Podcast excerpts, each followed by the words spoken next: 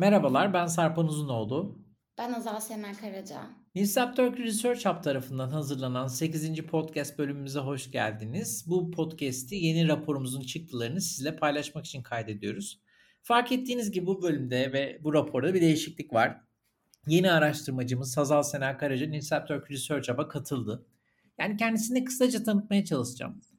Hazal lisans eğitimini Kadir Has Üniversitesi Yeni Medya programında tamamladı. Ardından Türk Alman Üniversitesi Avrupa ve Uluslararası İlişkiler bölümünden yüksek lisans derecesini aldı. 2018 yılında Jean Monnet Bursu ile girdiği Goldsmiths University of London'da eğitimine devam eden Karaca, dijital medya yüksek lisans programını Türkiye'nin bilgi toplumu politikaları üzerine yazmış olduğu tezle tamamladı.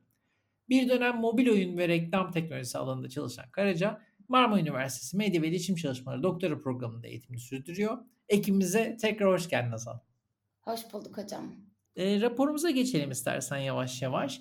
Bu sefer konumuz sosyal medya. E, gazetecilerin Twitter ve Instagram kullanım pratiklerini inceledik. Bu tabii çok geniş bir başlık. O nedenle biz de kısıtlı zamanımız olduğundan, e, sen de son haftamızda aslında bize katıldığından toplam 100 hesaba odaklandık.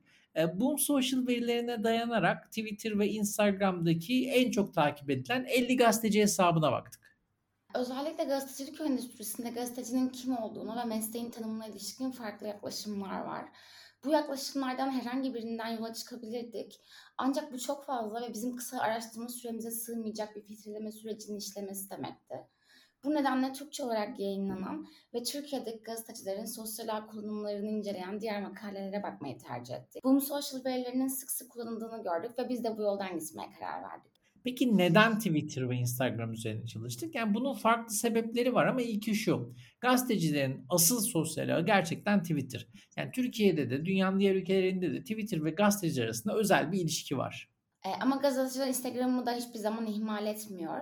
Hatta son yıllarda Türkiye'deki haber tüketim trendlerinde de yükselen Instagram'da var olmak için özel bir çaba sarf ediyor gibiler. E, biz esas olarak takipçi sayıları, etkileşim düzeyleri, kullanım paternleri üzerinden bu iki mecranın en çok takip edilen hesaplarını inceledik ve çeşitli bulgulara ulaştık. İstersen bu bulguları tek tek inceleyelim. Elbette hocam. Biraz sosyal sermaye ve geleneksel medya, yeni medya tansiyonuna bakarak başlayalım isterseniz. Araştırmamızda geleneksel medyadaki tanınırlığın çoğunluğuyla sosyal ağlardaki takipçi sayılarına da yansıdığını gördük. Twitter'da da, Instagram'da da geleneksel medyada üne kavuşmuş gazetecilerin çok takip edilen gazeteciler listesinin domine ettiği bir ortam hakim. Konular düzeyinde baktığımızda da siyaset kategorisinin e, pek sürpriz olmayan bir üstünlüğü söz konusu.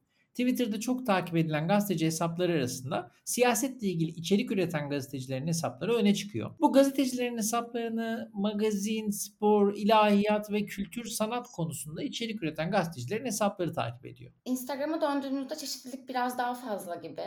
Yine de moda, magazin, astroloji, kültür, sanat, gezi gibi alanlarda içerik üreten gazetecilerin olduğu listenin hala en çok takip edilenleri siyasetle ilgili içerik üreten gazeteciler. Ya, tabii cinsiyet meselesine de baktık. Ee, Twitter'da en çok takip edilen 50 gazeteci hesabının 39'u erkek, 11'i kadın gazetecilere aitken Instagram'da en çok takip edilen 50 gazeteci hesabının 29 erkek, 21'i kadın gazetecilere ait.